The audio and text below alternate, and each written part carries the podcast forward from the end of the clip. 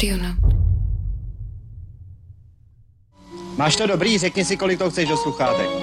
Dobrý, jo? Uber štrajky trochu. Ještě trochu? Když ti jedenkrát už láska nedá spát, jdi za štěstím. Nahal trochu hlas. Když se cítíš sám a nevíš kudy kam, a trochu hrudní rejstřík, víš, jdi za štěstím. Ha, ha, ha, ha. I kdybys měl s Bohem dát. Já myslím, že to je dobrý teď. Fajn, můžeme začít. Už po sedmé se hlásí podcast Goťák. My jsme Pavel Klusák. A Tereza Dočkalová. A v naší rekapitulaci příběhu Karla Gota jsme spolu s ním dospěli na konec 70. let. Je po antichartě a Karel má velmi suverénně rozjetou kariéru v Československu, u západoněmeckého producenta a navíc je populární v Sovětském svazu. Nemůžeme o něm mluvit jako o typickém úkazu doby. Je výjimka už svou permanentní prací v zahraničí. Pokoušíme se tady o nějaký portrét, o pohled na Karla Gota zvenčí, ale v tom nejsme první. To samozřejmě nejsme. A doba, ve které jsme se ocitli, nějakému portrétování přeje. Karlu Gotovi je 40, má za sebou nespočet úspěchů a zároveň má společenskou váhu. Je prvním nositelem titulu Zasloužilý umělec z československého popu a za pár let bude i prvním národním umělcem ze zábavné scény. A k těm čtyřicátinám v roce 1979 se koná premiéra dokumentárního filmu o Karlu Gotovi. Bych se vás chtěla zeptat, jak by měla vypadat podle vás dívka vašeho srdce a jaké by měla mít vlastnosti. Není to na čelo. To už se mě ptali v televizi tehdy. To vidělo 6 milionů lidí. To není nic nového. To se, taková věc se nedá přece plánovat. To, to kdybych věděl, kdo by to měl přesně být, tak už jsem se dávno oženil. Karel. Pro mě je to takový jako potěšení v osobním volnu. Ten Karel opravdu to je něco tak fantastického, když ho vidíte bezprostředně na tom jevišti, že to není ono pustit si doma desku. Ani krásná, ani inteligentní. to může být někdo mezi nebo něco úplně jiného a najednou Můžu říct, že ho miluju. Takže lidi se konečně dočkali něčeho z Karlova soukromí, nějakého pohledu za kulisy a taky do fungování kapely Ladislava Štajdla. To by bylo fajn, ale nestalo se. Režisér Jan Špáta, sám o sobě poctivý a inspirovaný filmář, se musel potýkat s tím, že Gott ho nakonec pustil k sobě a do určitých situací velmi málo. Vlastně svou odmítavostí a připouštěním kamery jen někam film spolu vytvořil sám Gott. Myslíš, že se bál, že by na něj filmaři něco prozradili? Ukázali ho málo dokonalého? Chtěl mít kontrolu nad svým veřejným obrazem. A během celé kariéry se mu to dařilo. Karel Gott byl nesmírně příjemný společník, který byl k druhým laskavý a často pozorný, ale jen v rámci, jaký mu vyhovoval. Pokud viděl, že někdo chce jednat nezávisle a nepodřizovat se při spolupráci jemu, beze slova vztah ukončoval a odcházel z něj, třeba navždy. Nebyl člověk hlasitých konfliktů, ale tím pádem nastávaly ty tiché. To o něm říká spousta lidí. Hmm, ale stejně, když vidím v tomhle dokumentu Jdi za štěstím, jak Karel Gott přijímá obdiv svého fanklubu, jak rozdává balonky japonským dětem a zpívá ruskému publiku Elvise Presleyho, zdá se mi, že Špáta jako režisér do toho dostal trochu ironie. Jan Špáta se skutečně pokusil o nezávislý portrét Gota, což je z toho cítit. Ale celkově se nevymanil z příběhu, který začal už krátkým dokumentem On, který o Gotovi natočil koncem 60. let Vladimír Drha. On, tedy Karel, je tady líčený jako dříč, který svému údělu rozdat se publiku skrze dar zpívání podřizuje svůj život. A když v roce 680 měl premiéru další, teď už celovečerní dokument Karel Gott, natočený novinářem a pozdějším manažerem Jiřím Janouškem, tak jenom totálně stvrdil úděl lehce osamělého pěvce, který musí jak ze společenských, tak z nadzemsky mystických důvodů obětavě sloužit svému talentu. Takže podepisovat se faninkám a fanouškům do úmoru, lítat po světě a zpívat všude možně německy, rusky, polsky, anglicky i italsky, patřit všem a přicházet tím pádem tak trochu o soukromí. Ano, patřit všem, být odevzdaný samotnému zpívání a především publiku. God v téhle sebestylizaci, která je pro něj nesmírně důležitá, působil občas jako voják nebo kněz. Ten, který nesmí opustit svou službu a podřizuje tomu svůj život. Když mu občas někdo vyčetl, jak se rozhodl, poukazoval na to, že samospát jeho kariéry rozhodoval za něj. A ty máš pocit, že to tak nebylo? Odpověď na tuhle otázku si Karel velmi chtěl nechat pro sebe a s nikým o ní nediskutovat. Samozřejmě to byl on, kdo rozhodoval, a to ve prospěch svojí kariéry a popularity. Neuměl si život bez nich představit. Není úplné říct, že God chtěl především zpívat. Jeho by dlouho nebavilo zpívat pro sebe nebo pro úzký kruh. Tak jako někdo potřebuje nikotín nebo jinou drogu, on potřeboval zpívat masám tak to měl štěstí, protože k těmhle drogám, tedy ke koncertům pro tisíce lidí, měl dlouho bezproblémový přístup. Ovšem na počátku 80. let se pevná půda pod nohama zachvěla. Děkuji ti pěkně, i my se budeme rádi vzrušovat tvými písničkami a společně s námi 19 103 tvých příznivců, kteří ti v anketě dali hlas. Miroslav Žbírka. Za dlouhá léta Karel Gott s pojmem Zlatého slavíka víceméně splynul. Zatímco v kategoriích žen a kapel se vítězové střídali, v té mužské a taky v absolutním počtu hlasů už od 60. let vítězil Gott.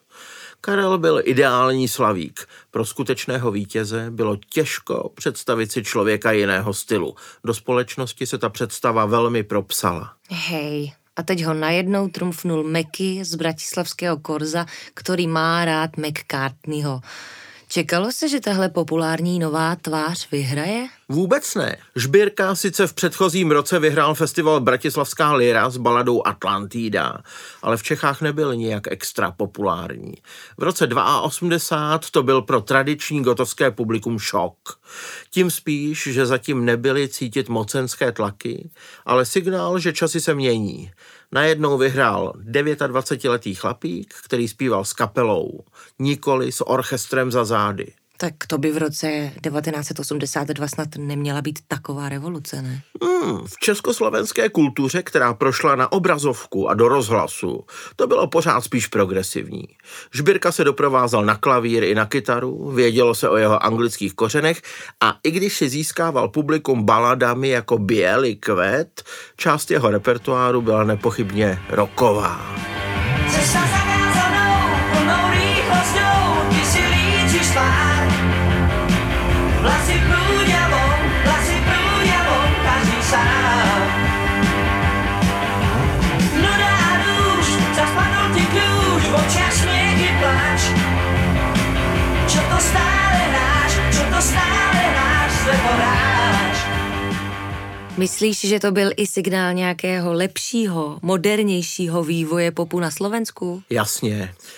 Nepanovala tam tak silná vazba k rozhlasovému orchestru, k soundu, který v Čechách přežíval hodně i proto, že ho nabízely instituce, aby mohli odsunout někam na okraj rokové a moderně popové kapely. Ten slovenský progres stvrdil konec konců další zpěvák, který o tři roky později vyhrál Zlatého slavíka.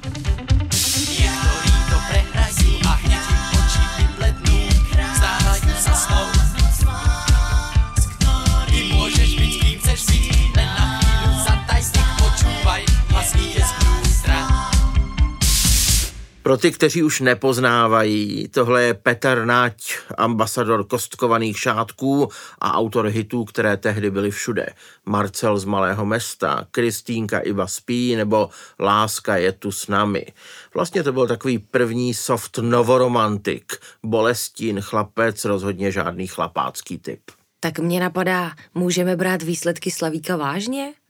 Jako já chápu, že když holky z tehdejší generace vystřihovaly hlasovací lístky z mladého světa, tak pro ně bylo důležité pomoct na výsluní svým idolům a možná tím pádem i svému životnímu stylu, ale neříkalo se, že tam při určování vítězů panují docela čachry? Ty podvody byly dokonce několikerého druhu. Jednak do žebříčků zasahovali režimní funkcionáři, vymazávali nežádoucí kapely jako pražský výběr a snižovali pozice, třeba u Vladimíra Myšíka. Ale potom se činili i samotní kapelníci a manažeři, kteří se starali o popularitu svojí stáje. Několikrát někdo uplatil tiskaře, aby vyjeli řadu archů časopisu navíc a tyhle hlasovací lístky si odvezl. Ty jo, a týkaly se tyhle podfuky i Karla Gota? Nechci být naivní, ale nemyslím si to protože jeho popularita byla už tak rozpoutaná, že nic podobného nepotřeboval. To už by se člověk mohl spíš divit, proč se tak vysoko umistovala jeho doprovodná kapela, sám o sobě nijak výrazný orchestr Ladislava Štajdla.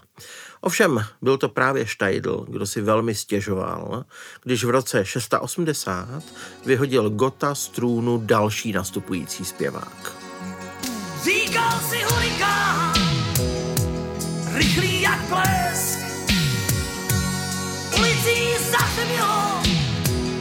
slabý třesk. Z okna se vykloní anonymní tvář. To je prosím Dalibor Janda. Jehož věrným spojencem showbiznisu byl textař, novinář a dodnes činný funkcionář Jan Krůta. Dnes je to radní z mediální rady Českého rozhlasu. Spory kolem Slavíka ukazují, jak spolu v 80. letech válčili klany českých popových kapelníků a manažerů.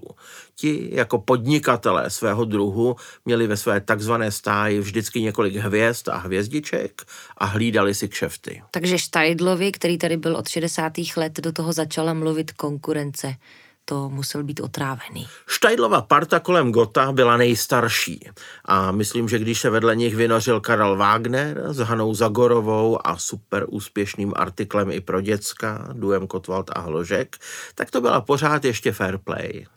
Své ráznější a tvrdší maníry měl František Janeček, manažer Michala Davida a dalších. Janečkovo markírované hraní na klávesy na koncertech ani nepouštěli do reprobeden, ale když v Gramoreví měla výjít dost zábavná kritika na kapelu Kroky, Janeček si stěžoval, ušpiček režimu a článek zmizel ze světa. Dalším manažerem byl Petr Hanik, ten se staral třeba o zpívajícího bubeníka Víťu Vávru. To je ten Hanik, který před pár lety kandidoval na prezidenta? Jasně, strana zdravého rozumu. A mezi tím stihnul ještě objevit Lucii Bílou. Každopádně všichni tihle popaři tehdy pěstovali symbiozu s mocí propojovali svůj zájem podnikat v popu s nějakými zájmy funkcionářů. Hmm, to zní jako dobrý důvod, proč byl mainstreamový pop v Čechách tehdy tak strašný. God si uprostřed toho hlediska pro děcka musel připadat jako gentlemanský starý mistr. Tyhle nové moresy přispěly nepochybně k tomu, že Karel se rozhodl udělat jedno veřejné gesto. Já mám dneska tak krásný pocit, za 22 let zpívání dostat 20. zlatého slavíka, že si myslím, že dnešní večer je důstojným zakončením jedné pro mě velké a důležité kapitoly mého zpívání. Protože vím, jaký byl ten první pocit za prvního zlatého slavíka, který pomohl těm ostatním a nakonec tomu dnešnímu 20. Že si myslím, že někteří mý eh, někdy o, i o mnoho let mladší kolegové které samozřejmě velmi dobře sleduji, by si tento pocit povzbuzení určitě už zasloužili. Takže já teď zavírám krám s básněmi a i když v dalších letech budu zpívat tak, jak nejlépe umím, zúčastním se Slavíka už jenom jako fanoušek, jako příznivec dobrého zpívání a hezkých písniček a spolu s posluchači a s čtenáři budu hlasovat. A tak zároveň se asi lidi ptali, co pak to jde zakázat nám hlasovat pro Karla? Jako co pak z všelidové ankety si člověk může nechat vyškrtnout? No právě. Tři roky vyhrával Dalibor Janda a pak v roce svých padesátin se God slavně vrátil a získal Slavíka zas. To je hotový mýtus o věčném návratu. Možná, že když se přesáhne určitá mez, tak se to velké množství slavíků spojí v novou kvalitu. Přesně tak. Gott bral později ocenění v anketě jako důkaz, že pro své publikum funguje pořád. Dokonce z části nadgeneračně, hlavně u předinternetového publika, které zůstalo věrné mainstreamu českých rádií a televize. Tu dekádu 80. let mezi čtyřicítkou a padesátkou Gott svoje stárnutí jistě pocítil, ale jak to tak u něj bývá, nebyl zvědavý na komentáře zvenčí a okomentoval si ho sám. Já žil, jak jsem žil, kdo mi má něco za zlý, čím jsem se stál, tím jsem rád. Jak já život znám, s námi málo se mazlí, mě aspoň skříp kolikrát. Já žil, jak jsem žil, zaplať Bůh vždycky po svým, tak svou píseň dál. Spoustu žen jsem znal, však s láskou spíš si hrál. Já jsem, jaký jsem. Touhle písničkou začíná God koncert v Lucerně ke svým padesátinám. A je to u něj už několikátá variace na téma Nikdo mi nebudete mluvit do toho, co dělám a jak se rozhoduju.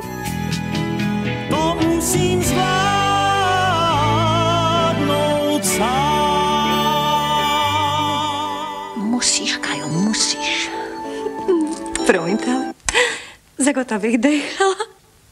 Takže Karel měl postupně tendenci v těch textech nějak vysvětlovat publiku sebe sama. Jakoby říct nakonec něco osobnějšího.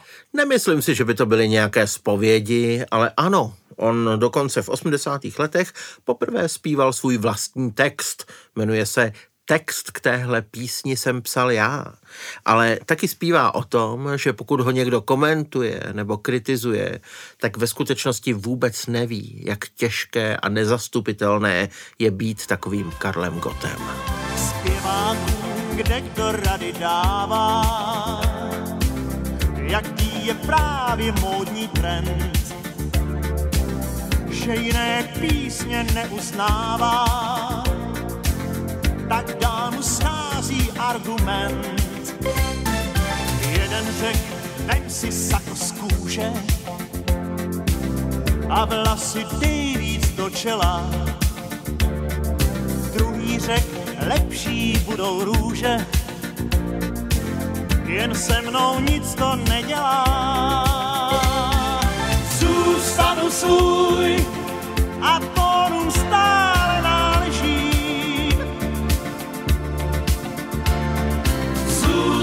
svůj, na tom mi nejvíc záleží.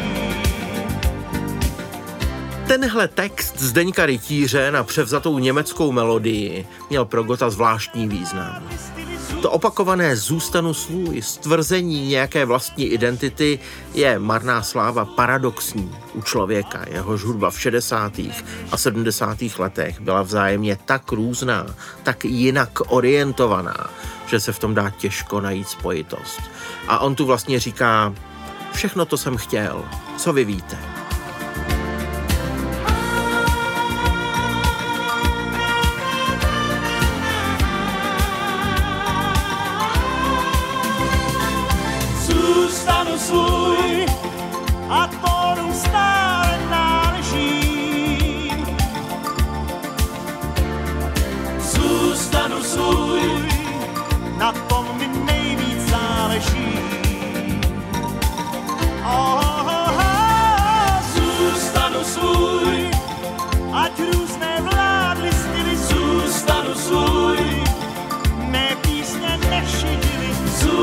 Zůstanu svůj, a o nic víc mi neběží.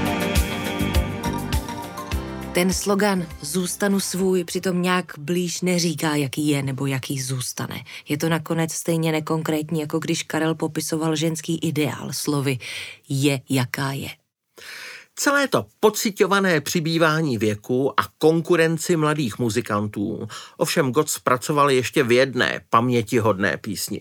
Existují hity, jimiž si lidi jakoby dodávají odvahu, energii a naději. Třeba I Will Survive, ten popový hymnus, který si zpívají ženy i muži v porozchodové při opilosti. Přesně tak. A v Anglii takhle napsal Elton John píseň, která taky může posílit člověka stíhaného nepřízní osudu a průsery vůbec. Jmenuje se I'm Still Standing. I'm still standing, čili něco jako dál, stojím pevně na nohou, ještě mě nedostali. Karel chtěl vlastně zachovat sdělení ještě mě nedostali, ale při české poetice onomatopoických překladů, které mají znít podobně jako originál, se transformovalo I'm still standing do Mám styl Chandy. Mám styl Chandy, to je velké VTF. Počkej, musím se zorientovat. O kterým Chandovi to vlastně je? Mezi námi je mnoho chvil a pokusů, abych se ti zavděčil, jenomže od tebe se člověk moc nedoví. Stále básníš o nějakém svém záhadném Čendovi. Je toho moc a to já nesnesu, zašel jsem na Čendovou adresu a Čenda před domem zpíval rock and roll, to díky které se tam denně schází cestou z různých škol. Podívej, má styl Čendy, nevím, kde ho Čenda vzal,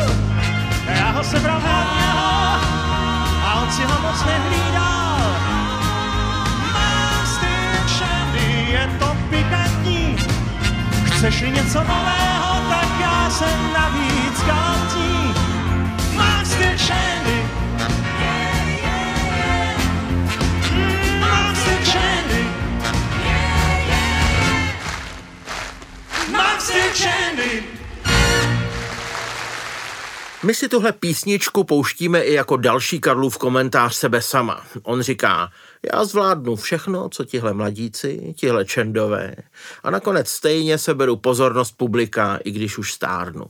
Ale myslím, že ta píseň taky připomíná, že Gotovi a spol chyběla polemika. Oni žádné dramaturgii nenaslouchali. God konec konců vyznával heslo Říkejte mi jenom dobré zprávy. No a tak tím, jak neměli žádný profi feedback, občas pustili ven něco, nad čím zůstává rozum stát. A pustě ještě něco, co v té době byl skutečný hit, co publikum tehdy přijalo, co je ten slavný mainstreamový Karel. Ale prosím, beze všeho. Na singlu i na LPčku nazvaném To vám byl dobrý rok vyšla v roce 1986 píseň, která se stala hitem a zároveň se o jejím vyznění svižně začalo debatovat. Odnauč se říkat ne, to jediné ti nesluší.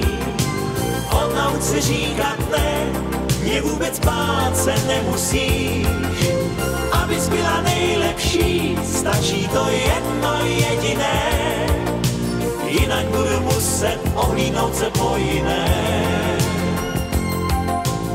Upřímně já nevím, jestli mi tyhle věci pouštíš schválně, protože víš, že moderuju feministické zprávy a že takovéhle věci jako objektivizace ženského těla, kultura znásilnění a vůbec práva žen jsou moje téma už dlouho.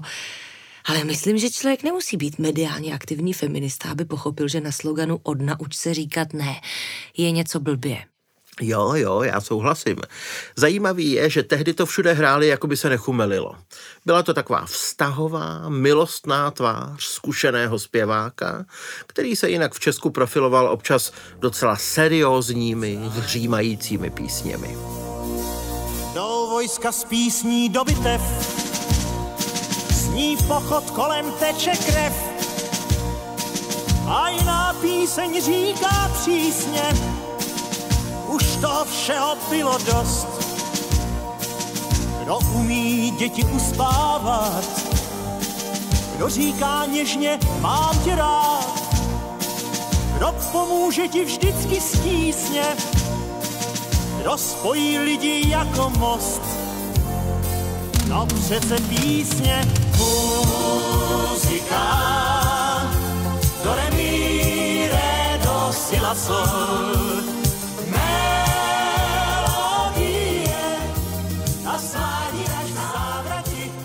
Gotovo stárnutí můžeme v 80. letech sledovat po dvou liniích.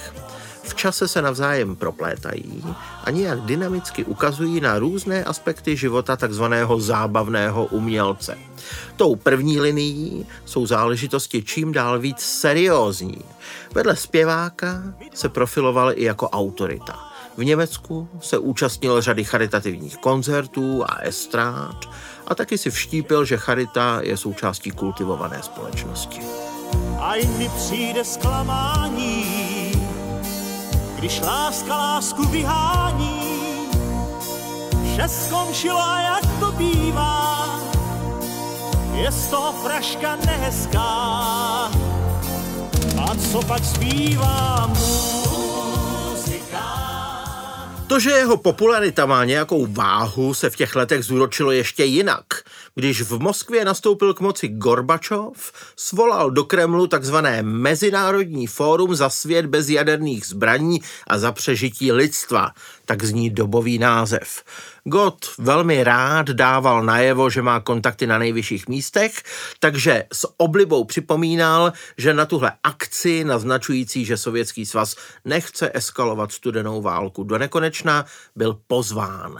Vedle něj se fóra zúčastnili i Miloš Forman, Joko Ono, herci Klaus Maria Brandauer a Claudia Kardinálová nebo spisovatelé Norman Mailer a Graham Greene. Od téhle moskevské návštěvy se odvíjí Karlovo pozdější vystupování s Alexandrovci? To byl spíš opačný příběh. Gorbačov testoval, nakolik může být sovětský svaz internacionální a otevřený. Armádní soubor Alexandrovců zažil naopak velkou renesanci později, když Rusko zase chtělo ukázat svou sílu a nekompromisnost.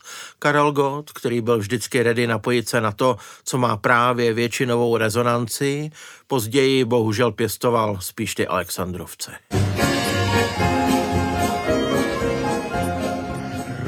Расцветали яблони и груши, Поплыли туманы над рекой. Выходила в кавер Катюша На высокий берег, на крутой.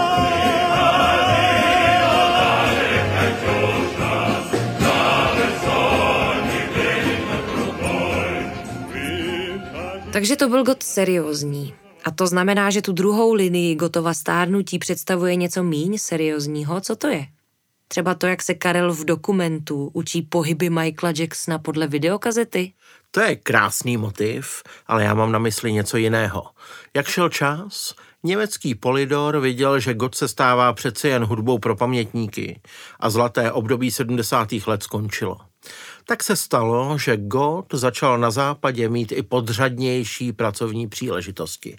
V 80. letech se stal zpěvákem na zaoceánských lodích. Takových těch plovoucích hotelích pro bohatší turisty ze západních zemí, jo? To v sobě muselo mít kus luxusu i kus bizarnosti. Nepochybně je to z hlediska průměrného Čechoslováka obnášelo dobrý životní standard po materiální stránce. Ale Těžko si vzpomenout na zpěváka, který se pokládá za tvůrce, za něco víc než baviče a zároveň by šel hrát na loď. Je to podobné barovému hraní a i když stokrát řeknete, že to vnímáte jinak, znamená to, že vaše hvězda nestoupá. Dá se to srovnat s dávným Karlovým angažmá v Las Vegas? Určitě. Na obě ta místa přichází publikum ne kvůli koncertu, ale pro drink a trochu rozptýlení. Je to čestné řemeslo, ale když jako největší hvězda v zemi přijmete práci na výletní lodi společnosti Hapag Lloyd, hodně to ukazuje na zbožňující pohled vůči západu. Pohled, který neumí tak úplně rozlišovat. Vám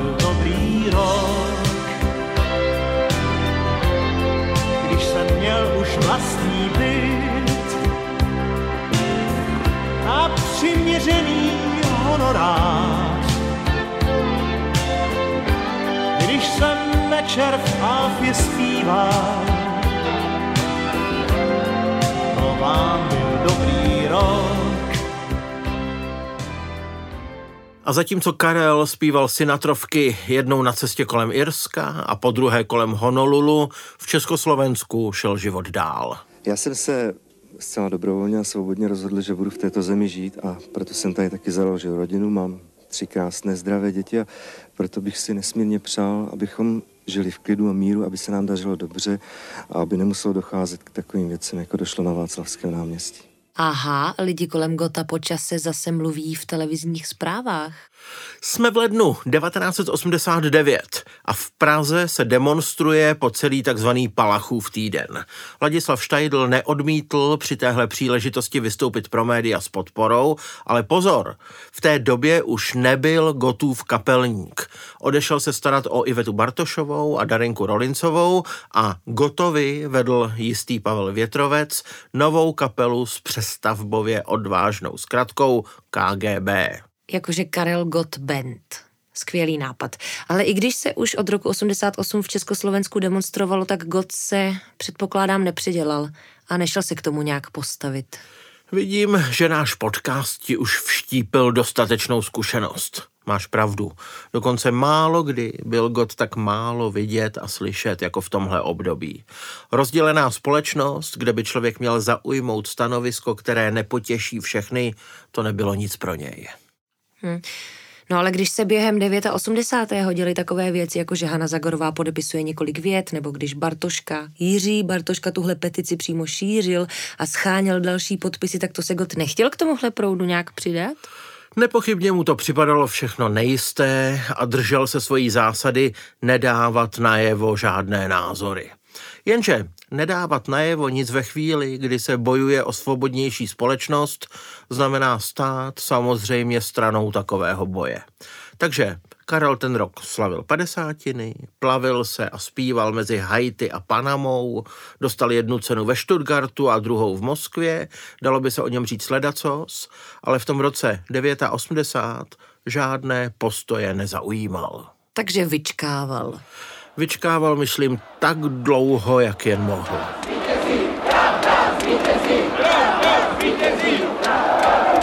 Všechno je to obráceně, jak má být. Dneska lidé pravo uveřejnilo to, že studenti napadli milici tyčí klackami holemi. Rakouská televize, když jsem byl doma v Jižních Čechách u maminky, vysílali právě opak, to, co se vidět ze, to, co se vidět ze záznamu, dávali jim k nohám kytice a zaštítí kytice, ale že by tam byli vidět hole, to teda vidět nebylo. Nějaká hudba zněla na velkých přelomových demonstracích od prvního dne. Ať už to byl spirituál kvintet nebo velký návrat Marty Kubišové po 20 letech přímo do epicentra dění. Karel Gott si ale počkal. Ohlásil se až před dnem generální stávky. Měl prostě smysl pro dobrý timing, ale zásadní přece je, že vystoupil společně s Krylem, s člověkem, který měl úplně protichůdný osud vůči tomu Gotovu.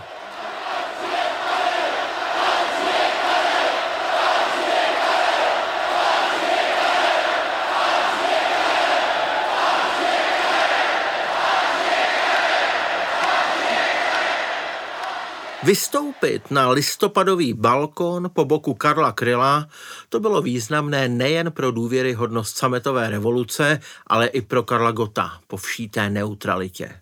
Byl to opravdu zásadní okamžik listopadových dnů. Zatímco jiní zpěváci vstupovali na balkon revolučních řečníků odlehčit situaci nebo posílit pospolitost rozespíváním davu, Gott a Kryl přicházeli jako symboly. Lidi pod balkónem, kterých prý bylo 200 tisíc, skandují Ať žije Karel, což mi přijde docela vtipný. Vítali oba Karly. Jednoho, který zpíval v samém středu scény a druhého, který musel kvůli zpívání zemi opustit. Musím říct, že ten záznam sleduju do dneška rád. Kryl jen mírně tlumí hrdost, Gotův úsměv je trochu nejistý, pokyne lidem, Kryl to furiansky trumfne Viktorkou, dvěma prsty, které vytrčí do náměstí na celé trvání hymny, tedy pochopitelně i snad ta trousa blízká. Na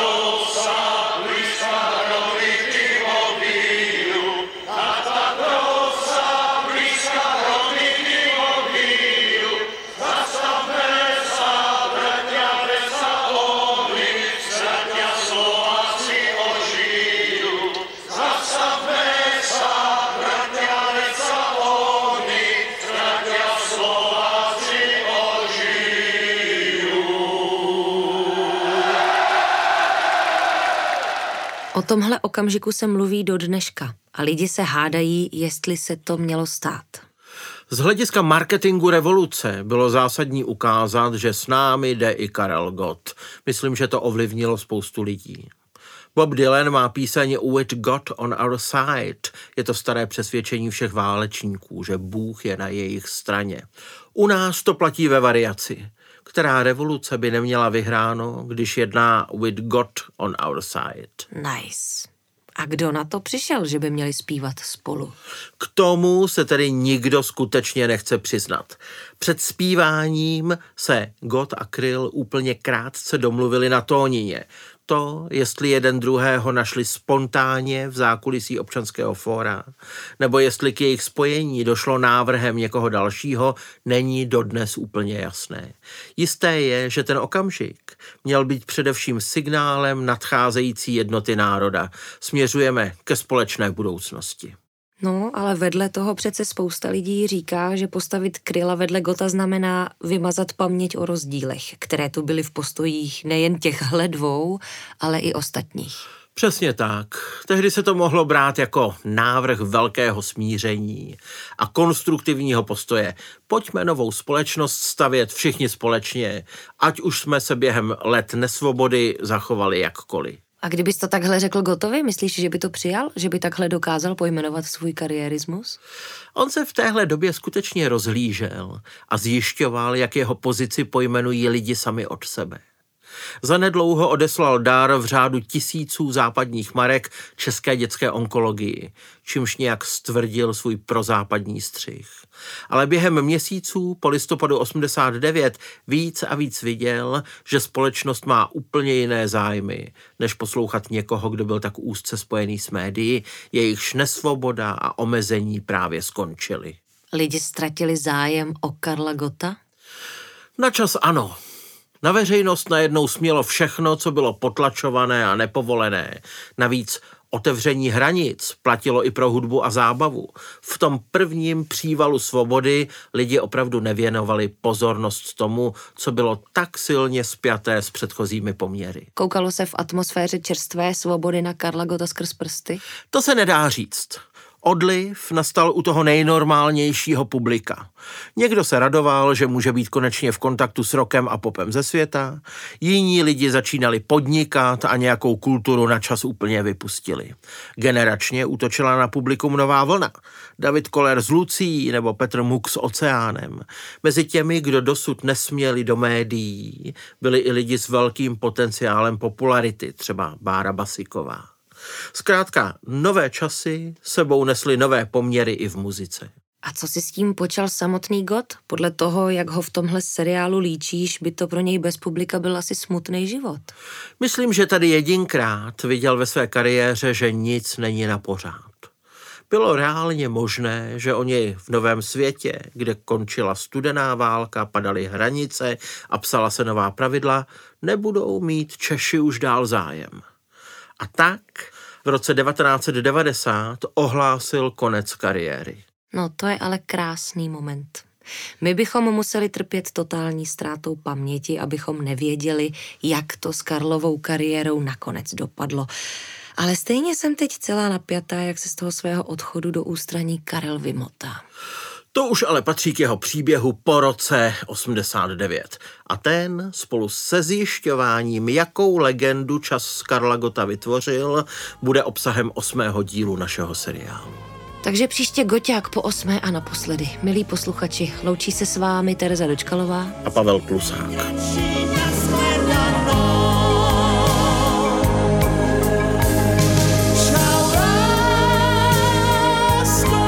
Podcast Goťák pro vás připravili Tereza Dočkalová a Pavel Klusák. A taky řada dalších lidí. Mistr zvuku Krištof Blabla, produkční Jakub Rálek, dramaturgině Eva Pjajčíková a režisér Marek Najbrt. Goťáka vyrobil Audionaut ve spolupráci se studiem Beep. Audionaut